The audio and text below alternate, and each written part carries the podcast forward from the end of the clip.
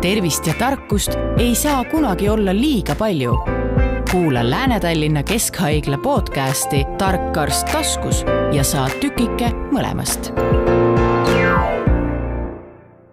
tere kõigile, kes te vaatate Lääne-Tallinna Keskhaigla saadet Tark arst taskus täna räägime noorte seksuaaltervise alasest nõustamisest ja stuudios on külas kaks selle valdkonna eksperti. ämmaemand ja noortenõustaja Velli Roosileht. tere ja ämmaemand Brita Jürgenson. tere! no teie kahekesi töötate ja suhtlete noortega seksuaaltervise teemal põhimõtteliselt iga päev. et äh, ma alustuseks küsin, et mis koht see noortekabinet või noorte nõustamiskeskus üldse on, et kuidas õige nimetus üldse on?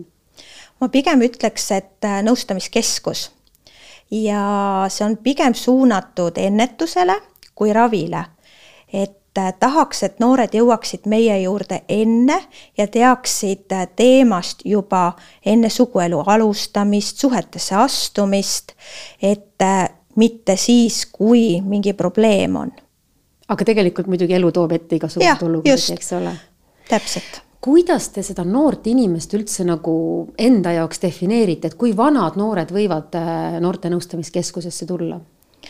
Meie ootame enda juurde noori vanusest kuni kakskümmend kuus eluaastat ja, ja nii noormehi kui ka neidusid. ja sõltumata ravikindlustusest.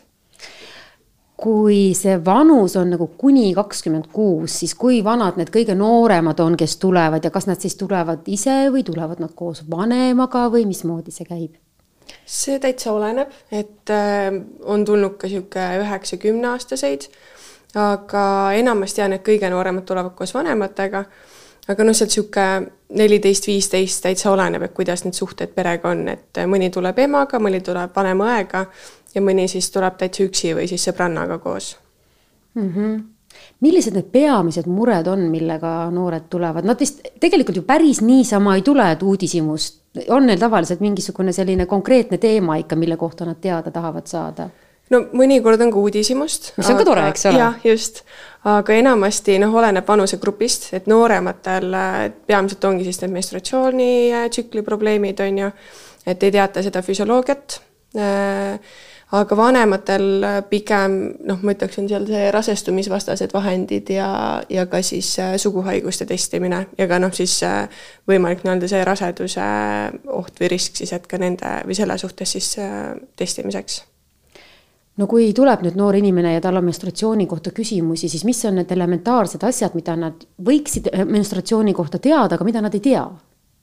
Brita, see on vist küsimus sulle. jah, ma praegu kirjutan enda magistritööd sellel samal teemal. sellel samal teemal, mis sul selle magistritöö pealkirjaks on siis äh,? ongi teabematerjal äh, teismelistele tütarlastele menstruaaltsüklist ja sellega seonduvast emotsionaalsest toimetulekust, et ma nii teengi niisuguse infomaterjali selle nii kohta. nii et võib siis loota, et see magistritöö, mida mida sa praegu siin valmis kirjutad, et see ükskord jõuabki valmis kujul nagu sellise inforaamatukesena. no niisugune väike infovoldik jah. Yeah.. et äh, aga no see peamine ongi see, et äh, millised need muutused on, et millal see tsükkel üldse regulaarseks muutub, on ju, et tihti on see, et äh, et see tsükkel on, nii-öelda menstratsioon on alanud, aga noor juba loodab, et seal niisugune aastaga see peaks olema täiesti regulaarne, sest ka kodust on öeldud, on ju, et see peab juba olema regulaarne ka tihti see, et tegelikult äh, noortel on päris palju neid kas söömisprobleeme või häireid, on ju, et äh, kuidas see kehakaal mõjutab tsüklit, kuidas stress mõjutab, kõik need niisugused nii-öelda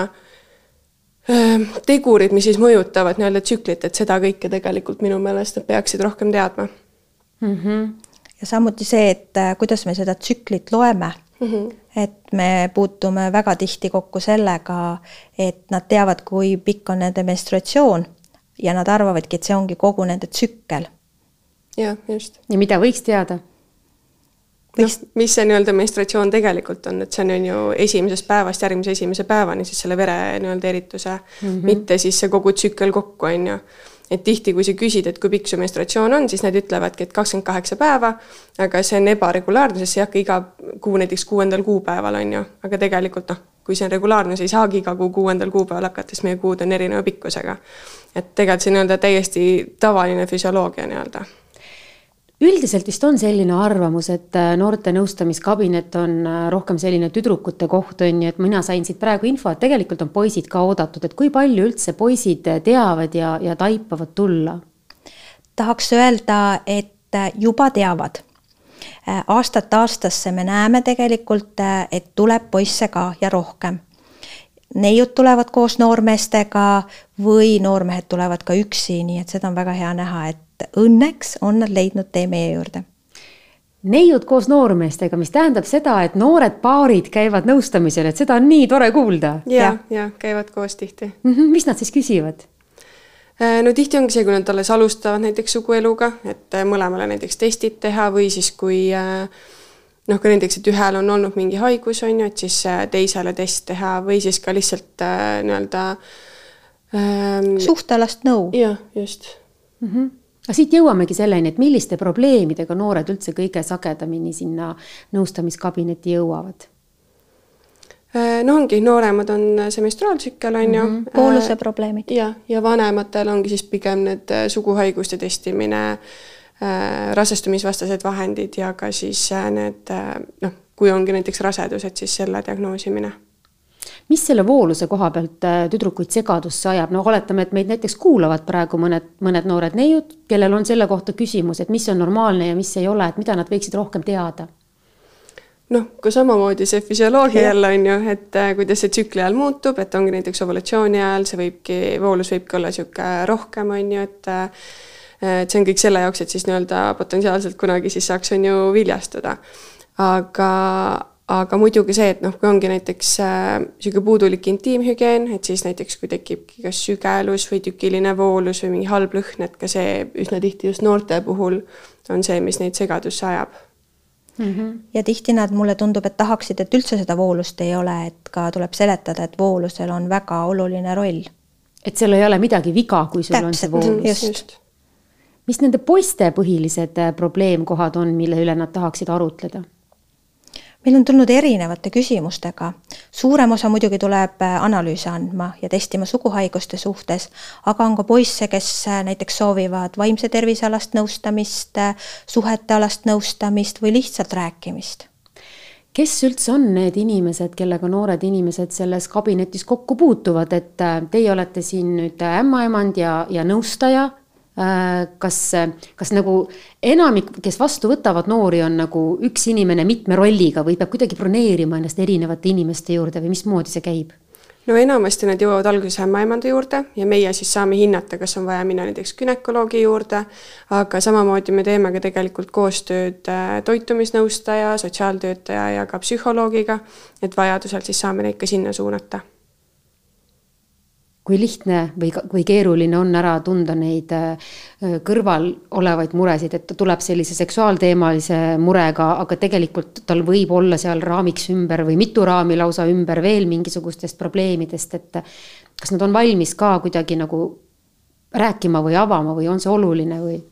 See on väga oluline ja me pakumegi sellist turvalist ja noortesõbralikku nõustamist, mistõttu nad julgevad võib-olla ennast rohkem avada ja seetõttu jõuame ka probleemile võib-olla natuke lähemale. vahest ei jõua, vahest käib ta mitu korda alles ja siis me märkame, et tegelikult tal on hoopis teine probleem. mis see võib näiteks olla? Äh, seal on väga palju selliseid äh, ärevuse muresid, toitumisega võib olla probleeme, aga lähisuhetega täpselt samuti. millised on kodused toetavad lähisuhted, millised on partnerlussuhted, koolis suhted et inimene on ju tegelikult selline tervik, et ühes valdkonnas, kui miski asi ei toimi, siis see avaldab mõju nagu igale poole mm, -hmm. tema vaimsele ja. ja füüsilisele tervisele. et kas teid äh, on ka kuidagi koolitatud äh, siis nagu kõiki, kõiki valdkondi nagu ära tundma või märkama või et, et kuidas see, kuidas see ämmaemand nagu, kui suure rolli või vastutuse ta peab seal võtma? vahel tundub see roll ikka päris suur ja vahel tundub, et sul jääb selles rollis väga palju nagu vajaka ja siis täiendad ennast, et mina olen ennast täiendanud ja Brita kohe täiendamas vaimse tervise alal mm. -hmm kuidas praegu tunne on, kui te nende noorte inimestega suhtlete, et äh, mainisite juba nagu ärevust, et see on üks asi, mis vaimse tervise valdkonnas on nagu enim probleeme tekitamas. mis veel on? no tihti tegelikult äh, noh, ongi see ärevus on peamine, on ju, aga ka tegelikult on päris palju niisugust paanikat ja tegelikult ongi teadmatust, mis ka omakorda veel tekitab siis seda ärevust äh, ja niisugust no ongi hästi niisugune infosulg on kuidagi tekkinud, et ja selle tõttu minu meelest ka need täiesti nii-öelda normaalsed muutused, mis toimuvad, tunduvad nagu niisugused nii-öelda ebanormaalsed. tunduvad hirmutavad, jah? just, just et tihti noh, kuidas me üldse saame aru, et see toitumisprobleem või niisugune asi taga on, ongi see, et äh, neiu tuleb sellega, et mul jäi menstratsioon ära, mul umbes pool aastat ei ole olnud, enne seda oli, on ju, regulaarne, ja kui hakkad siis äh, nii-öelda võtma, et mis sul pool aastat tagasi muutus, siis ongi see, et aa, et kas oli koolivahetus, hakkasin trennis käima kuskil äh, ja hästi palju just noortel on see, kes tegelevad näiteks iluvõimlemise või niisuguse Äh, tantsimise või millegi sellisega, et seal on hästi palju niisugust toitumisprobleemi all minu meelest. ja, ja tihti jah, tulevadki need niisugused probleemid mingi ühe probleemi tagant välja nii-öelda. et need teemad, millega noorte nõustamiskeskusesse tullakse, on tihtipeale nagu päris delikaatsed, et Nad peavad ju rääkima päris võõra inimesega väga isiklikest, väga intiimsetest asjadest, et see hirm, et neil hakatakse moraali lugema, vist on paljudel kaasas, ehkki see vist ei vasta üldsegi tõele. ei, see ei vasta üldse tõele, et moraali me kindlasti kellelegi ei loe, et sest meie eesmärk on ikkagi toetada teda turvaliselt, et ta meie juurde tagasi tuleks sest tihti, nagu ma ütlesin, me esimesel korral ei pruugigi jõuda tema probleemi olemuseni, ta tuleb, ütleb, mul tegelikult ei olegi midagi viga, aga kui ta saab sellise hea ja turvalise sõbraliku suhtumise, siis ta tuleb teinekord tagasi ja siis me võib-olla alles jõuame selle probleemi või küsimuseni mm. -hmm, et see ikkagi see hea kontakti ja suhte loomine on teil ikkagi ja. nii oluline. ja, ja kindlasti mõnikord on ilmselt nii, et, et kui, kui noorel inimesel on mure, siis ta kannatab, kannatab, kannatab ja kui tal on vaja vastuvõtule saada, siis tal on tegelikult ju vaja kohe saada, aga kui kohe tegelikult saab vastuvõtule? No see oleneb, et äh, meil on mingid ajad, kus on hästi palju äh, nii-öelda patsiente meil järjekorras või noh, igapäevaselt siis, et mõnikord me saame pakkuda alles siis kas äh, nii-öelda järgmine või ülejärgmine nädal, on ju, oleneb ka muidugi probleemist. et äh, kui meile helistatakse ja öeldakse, et tal on aega vaja, siis me tavaliselt küsime, et mis see probleem on, et kui on ikkagi väga kiire, siis me proovime kasvõi samale päevale saada, et lihtsalt mingi lisaaeg endale, on ju aga mõnikord on see, et noh, oleneb täiesti sellest ajast, et äh, suve lõpupoole tihti on niisugune tihedam see graafik, suve keskel pigem niisugune, äh, et on neid vabu auke üsna palju seal päeva jooksul, et siis, siis saab ka kohe reaalselt samale päevale anda. mis on need teemad või probleemid, millega reeglina saab kohe vastuvõtule, mis on need asjad, mis ei kannata oodata? no näiteks rasedus et eriti veel, kui ei teatagi, millal see viimane menstratsioon algas, et siis äh, kui on see plaan, et äh, tahetakse rasedus katkestada, et siis mahuks nii-öelda sinna limiitidesse, millal on võimalus seda teha. Äh, noh, genitaalherpes enamasti on, et millega, kuna see juba paku-, nii-öelda tekitab nii palju neid ebamugavust, seda valulikkust, on ju, et sellega ja noh, tupeseenega ka pigem minu meelest, et just need, mis hästi palju niisuguseid kaebuseid põhjustavad ja ebamugavustunnet et häirivad sellist tavapärast elutegevust mm, -hmm. et sa ei saa siis toimetada nii, nagu sa oled kogu aeg toimetanud. tugevad kõhuvalud täpselt samuti, verejooks tupest. no ja noh, vajadusel suuname ka siis vastuvõtutuppa. ja meil on ka võimalus äh, neid rasestumisvastaste vahendite retsepti pikendada niimoodi, et tulla nii-öelda lihtsalt ukse taha meile, et saame vererõhu mõõta ja, ja ka siis äh, seda pikendada, kui meie juurest on retsept, retsept saadud. mis tähendab seda, et teie juurest saab nii retsepte nii nagu ikka arsti juurest mm -hmm. saab ja, ja saab anda ka analüüse. just, täpselt. ja nõustamist saab ka. ja nõustamist saab ka, selles mõttes ikkagi väga-väga-väga hea teenus. ja, ja, ja siis on veel selline nõustamine, kus keegi ei viibuta näppu, on ju mm. -hmm. aga milliseid analüüse teie poole anda saab? Äh, no suurem osa soovib anda suguhaiguste analüüse ja suguhaiguste analüüse siis saab anda äh, verest noormeestel uriinist ka, et noormeestele me läbivaatuse teenust kahjuks pakkuda ei saa, sellepärast et meil ei ole seda pädevust. aga analüüside võtmist me saame neile pakkuda, nõustamist täpselt samuti. ja neidudel tüdrukutel siis analüüside võtmist emakakaelast.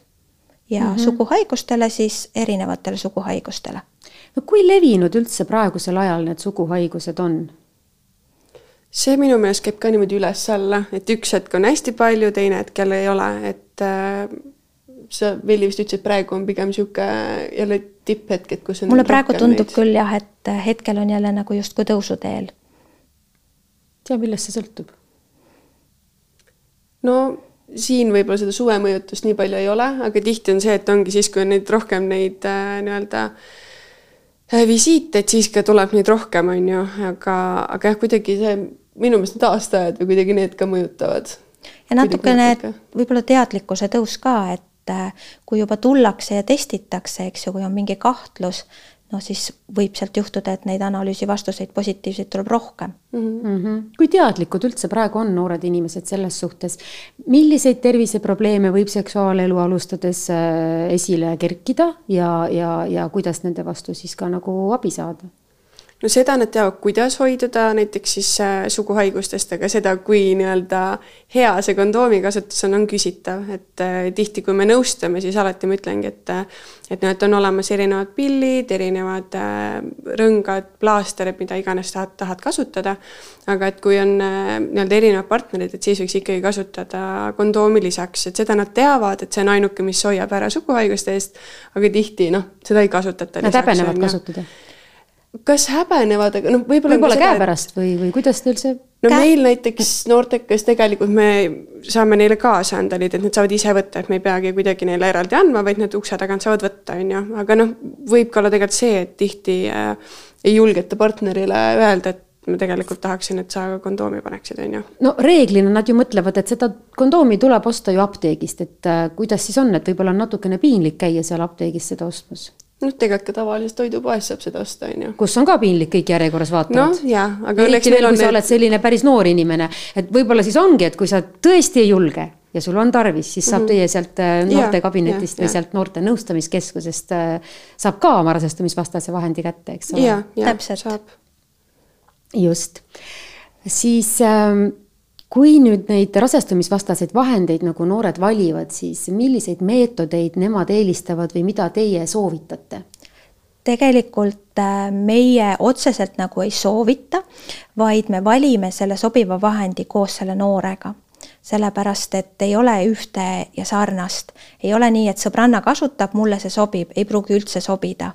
et ta tuleb kohale ja siis koos temaga me arutame läbi, millised võimalikud vahendid või meetodid oleks temale nagu kõige paremad, milliseid ta üldse näiteks kasutada ei võiks, et tihti on ka see, et nad ei tea, et paljud asjad mõnele inimesele üldse ei sobi Mm -hmm. Et, näiteks mõned haigused ja mõned vahendid ei käi omavahel kokku? täpselt, mõned haigused ja vahendid, samuti ka see elustiili muutused tihti võivad olla need, mis mõned vahendid seniks, kuni see elustiili muutus ei ole siis läinud nii hästi, eks ju, on välistatud võib-olla see on natukene ka siis stiimul selleks, et ta natukene seda võib-olla toitumist muudaks, käiks toitumisnõustaja juures. aga võib-olla mõnikord on ka see, et lihtsalt on vajalik talle selgitada, sellepärast et sotsiaalmeedia on ka see, mis paneb väga palju noortele ette ja nad tahavad ju olla nende moodi, et tihti tuleb ka neid müüte meil kummutada. mis need müüdid on, mida noored kipuvad uskuma, aga mis äh, ei, ei vasta tegelikult nagu reaalsusele? No tihti on see hirm hormoonide ees, et pigem nad ei taha võtta. pille ei julge võtta. just, et pigem pilleid on välistatud, aga samas SOS pilli, mis on niisugune hädaabimeetod, kus on tegelikult seda hormooni ühes korras palju-palju rohkem sees, on ju, et see tundub niisugune parem variant et äh, aga jah, millegipärast praegu on niisugune arusaam, et hormoon on väga halb, lükkab kõik sinu enda hormoonid sassi, on ju. tegelikult on see, et ongi toetav, et, äh, et jah, just seda, et rääkida, kuidas nii-öelda need vahendid üldse toimivad, mida nad teevad ja need, kes tulevad sellega, et nad ei taha hormooni ja kui sa oled nii-öelda läbi rääkinud, näidanud skeemi peal, mis toimub, siis tegelikult nad saavad aru, et ikkagi see on äh, selles suhtes hea vahend ja noh, neile, kellel võivad need äh, potentsiaalsed kõrvaltoimed tekkida, on ju, neile me ka neid ei kirjuta. et nagu Velli ka enne ütles, et me vaatame väga need äh, nii-öelda tingimused üle, et mille puhul me saame mida soovitada kui nüüd on juhtunud ikkagi nii, et noor tuleb esmakordselt vastuvõtule selle infoga, et ta ilmselt on rase, siis kuidas see raseduse kindlaks tegemine seal käib, et mis seda noort inimest seal, oletame, et ta on siis tüdruk, on ju, võib-olla tuleb koos noormehega, et mis teda seal äh, ees ootab? no ees ootab teda kõigepealt äh, nõustamine, siis äh, raseduse kindlaks tegemine ja vajadusel siis kas analüüside võtmine ja edasisuunamine mm. -hmm. mismoodi seda tehakse kindlaks, et seda ilmselt noored teavad väga kenasti, on ju, et kui nad lähevad apteeki ostavad selle testi, siis nad saavad äh, uriini uriini abil, selle tilgakese abil selle raseduse enda jaoks selle esimese kindluse või info kätte. aga mida tehakse kabinetis ja kas nad teavad, mis seal kabinetis juhtuma hakkab? kui nad esmakordselt saabuvad, siis nad tõenäoliselt ei tea, mis seal juhtuma hakkab. ja tihti me näeme hoopis seda, et nad ei ole seda rasedustesti, seda uriinist teinud. Eh, hirmust võib-olla, et äkki see ongi positiivne ja nad tulevad sinna lootuses, et meie ütleme, et nad ei ole justkui rase aga seal me teostame siis äh, läbivaatuse, kasutame selleks siis äh, tupepeeglit, me alati selgitame, näitame ja teostame ka ultraheliuuringu. kui rasedus on nii väike, et ultraheliuuringus veel näha ei ole, et siis saab diagnoosida ka vereteel, et võtame vereanalüüsi ilmselt tuleb teil seda ka ette, et äh, noor pöördub, pöördub teie poole sellepärast, et ta on elanud üle näiteks äh, seksuaalvägivalla juhtumi, et kuidas see, kuidas see nõustamine siis käib? noortekabinetti satub äh, enamasti neid peale seda seksuaalvägivalla kogemust, sest et meie haiglas on olemas ka seksuaalvägivalla kriisiabikeskus vastuvõtutoas kakskümmend neli seitse. kui ta juhuslikult satubki meie ukse taha, siis me suunamegi ta kohe sinna kui see juhtum on leidnud aset viimase ööpäeva jooksul või seitsme töö, ööpäeva jooksul. aga muidu nad võivad tulla pärast seda kogemust, võib-olla ka, mis on minevikus olnud, julgelt tulla, rääkida ja siis vastavalt selle pöördumise põhjusele või millal see on olnud, siis me saame edasi suunata teda vastavalt teiste spetsialistide juurde siinkohal ma veel mainiks selle ära, et äh, peaks minema samade riietega, et ei käiks pesemas vahepeal. et äh, sealt on siis see suurem võimalus ka saada, on ju see, kes siis on selle nii-öelda kuriteo toime pannud, et seda DNA-d sealt ja tõendeid saada mm. -hmm. kui te nüüd vaatate ajas, ajateljel edasi-tagasi, siis äh, kas, kas noorte kokkupuude seksuaalvägivallaga on läbi aja kogu aeg nagu ütleme, üks see arvulise koha pealt või siis on nagu paremaid ja halvemaid aegu või, või sõltub ühiskonna teadlikkusest palju või kuidas te olete märganud? ma arvuliselt ei oska siin midagi välja tuua. Äh, aga ma arvan, et meie teadlikkus ja julgus pöörduda on suuremad kui mõned aastakümned tagasi kindlasti. ja see, kuhu pöörduda, ka see on ju olemas, et neid kohti ennem tõenäoliselt oli, kui oli vähe et äh, ühest küljest küll räägitakse kogu aeg sellest, kuivõrd halb on see, et noored on kogu aeg internetis, aga teisest küljest äh, nad saavad sealt ka vajalikku infot, kui neil on vaja abi, et kuhu pöörduda ja, ja, ja, ja mis neid seal ees võib, äh, võib oodata, eks ole mm. -hmm no selle internetiga on ka see, et oleneb, mida sa sealt otsid, on ju, et sa leiad selle, mida sa just, just, et noh, tihti ka, miks see vale, vale arusaamad on, ongi see, et on leitud kellegi influencer'i mingi blogi, on ju, mida lugeda mitte nüüd, et äh, kõikidel influencer itel on valeinfo, aga lihtsalt enamasti leitakse see, mida sa otsid, on ju. aga äh, noh, meil on see Seksuaaltervise Liidu leht, siis haiglate kodulehed, kus saab ja need, kes tegelikult nii-öelda oskavad otsida, need leiavad ka seda tõenduspõhist infot, et, et mida nii-öelda kasutada ja sealt ka tihti nad tulevad meie juurde, et leiavad seda infot, et kuhu siis pöörduda, on ju et lihtsalt peab olema noorel inimesel ka veidi seda kriitilist mõtlemist, et milline allikas on, on usaldusväärne mm. -hmm. kas äh, noorte nõustamiskeskusesse võivad äh, pöörduda ka need noored, kes kuuluvad seksuaalvähemustesse? jaa, loomulikult.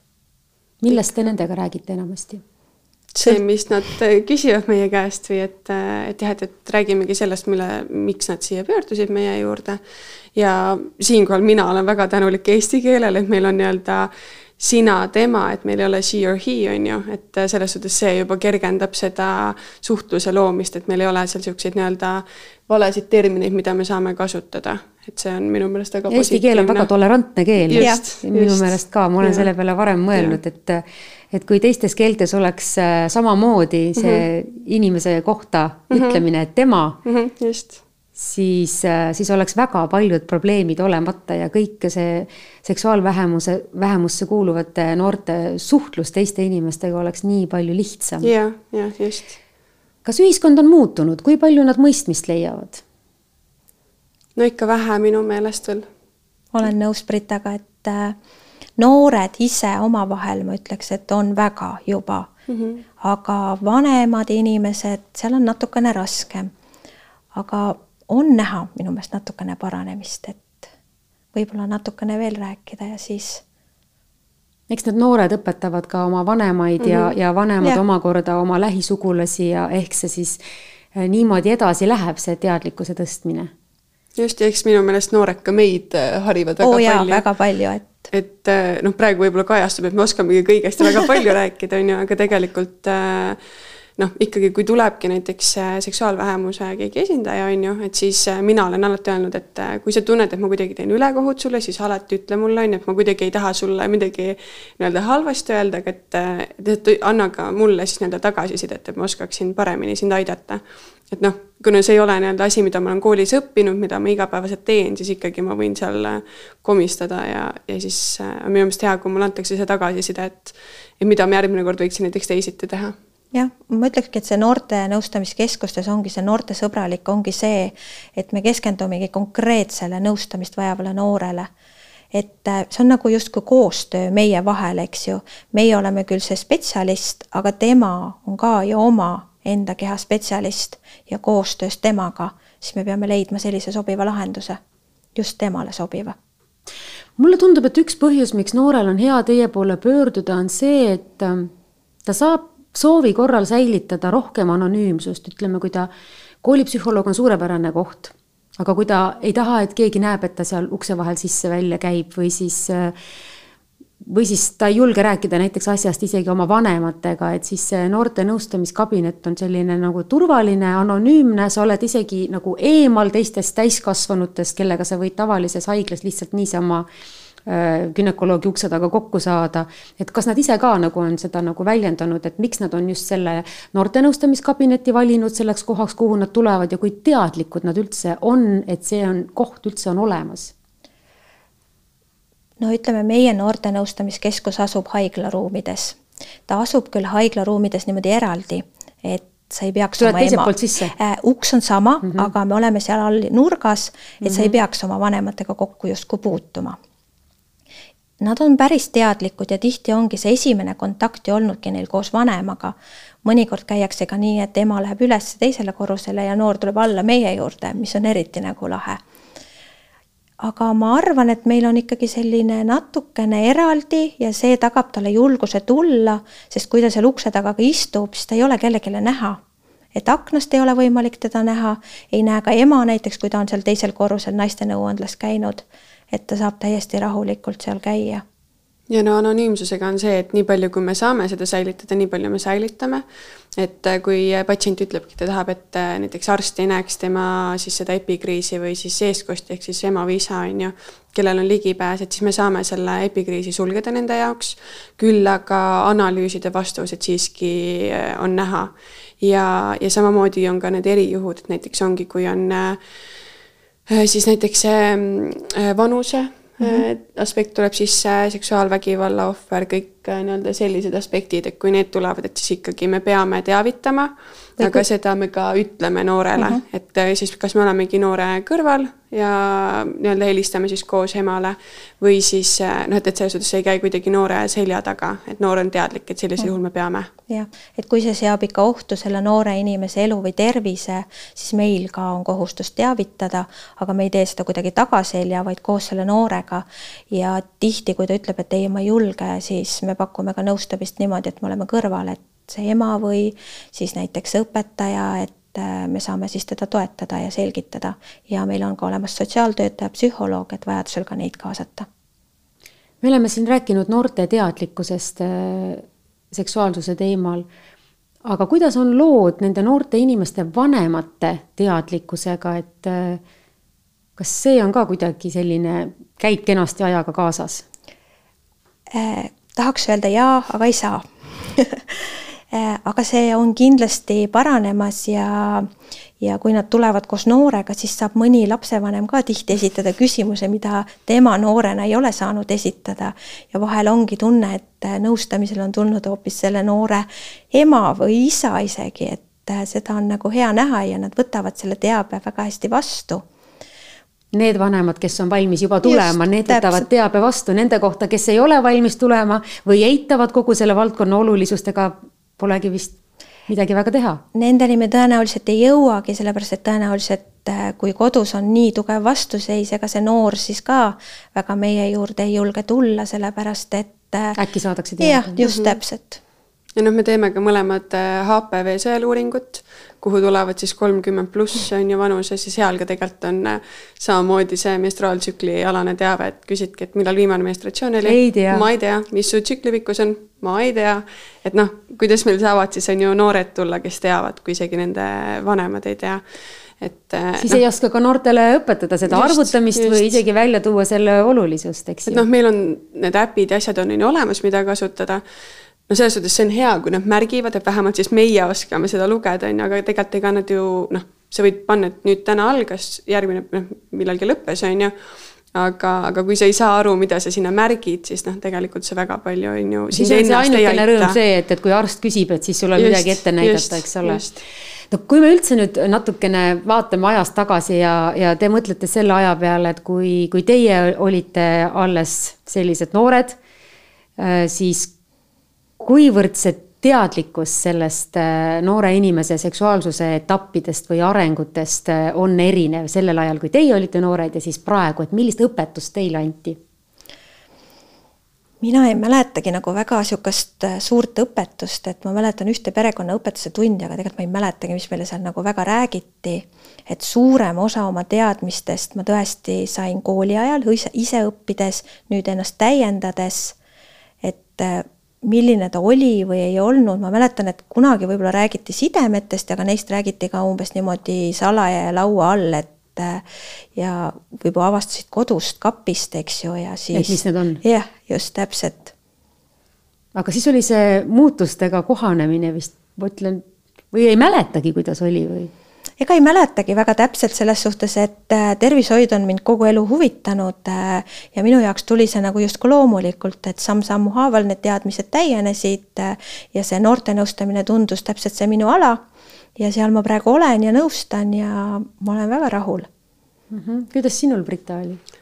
Äh, no mul noh, väga kauges minevikus see ei ole, on ju, et ma kaks tuhat seitseteist alles läksin ämmaemandaks õppima, et äh, ma ka ikkagi peamised äh, teadmised, mida tegelikult, et kuidas rasestumisest hoiduda, on ju, niisugused nii-öelda normaalse füsioloogia teadmised tegelikult sain, kui ma ämmaemandaks õppisin, mis tegelikult noh, on ikkagi üsna frustreeriv, sellepärast et meil ei ole palju inimesi, kes ämmaemandaks õpivad. kuidas siis nemad teada saavad? just, et ainuke, mis ma mäletan endal, kas siis põhikoolist või gümnaasiumist, oli see, et me võtsime ka inimeseõpetuse tunnis äh, kirjutasime nii-öelda tahvlile siis kõik äh, äh, suguelundite nimed, mis me teadsime ja siis valisime välja siis ühe sõna ja siis kasutasime siis tundide jooksul seda, aga samas ma ei mäleta, et meil oleks midagi niisugust no juba see oli kõva samm tegelikult. jaa, aga noh, midagi niisugust, et, et noh, kuidas menstratsiooni lugeda, et seda ma tean, et mul ema õpetas, aga aga jah, niisugust, et kuidas raseduse eest hoiduda, seda ma küll ei mäleta, et keegi oleks rääkinud niimoodi.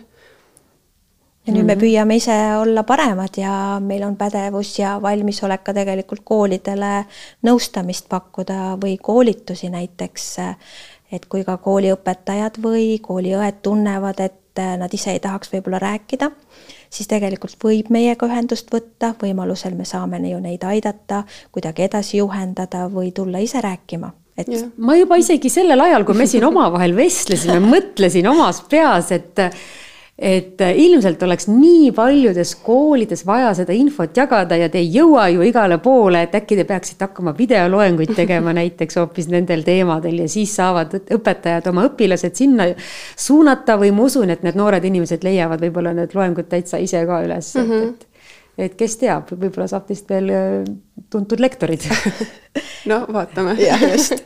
et sina teed oma magistri ära ja siis ja. peab ju kusagile edasi suunama, brošüüri teed valmis. jah, just no.. ja noorteni peab see ka mis, miskit moodi jõudma.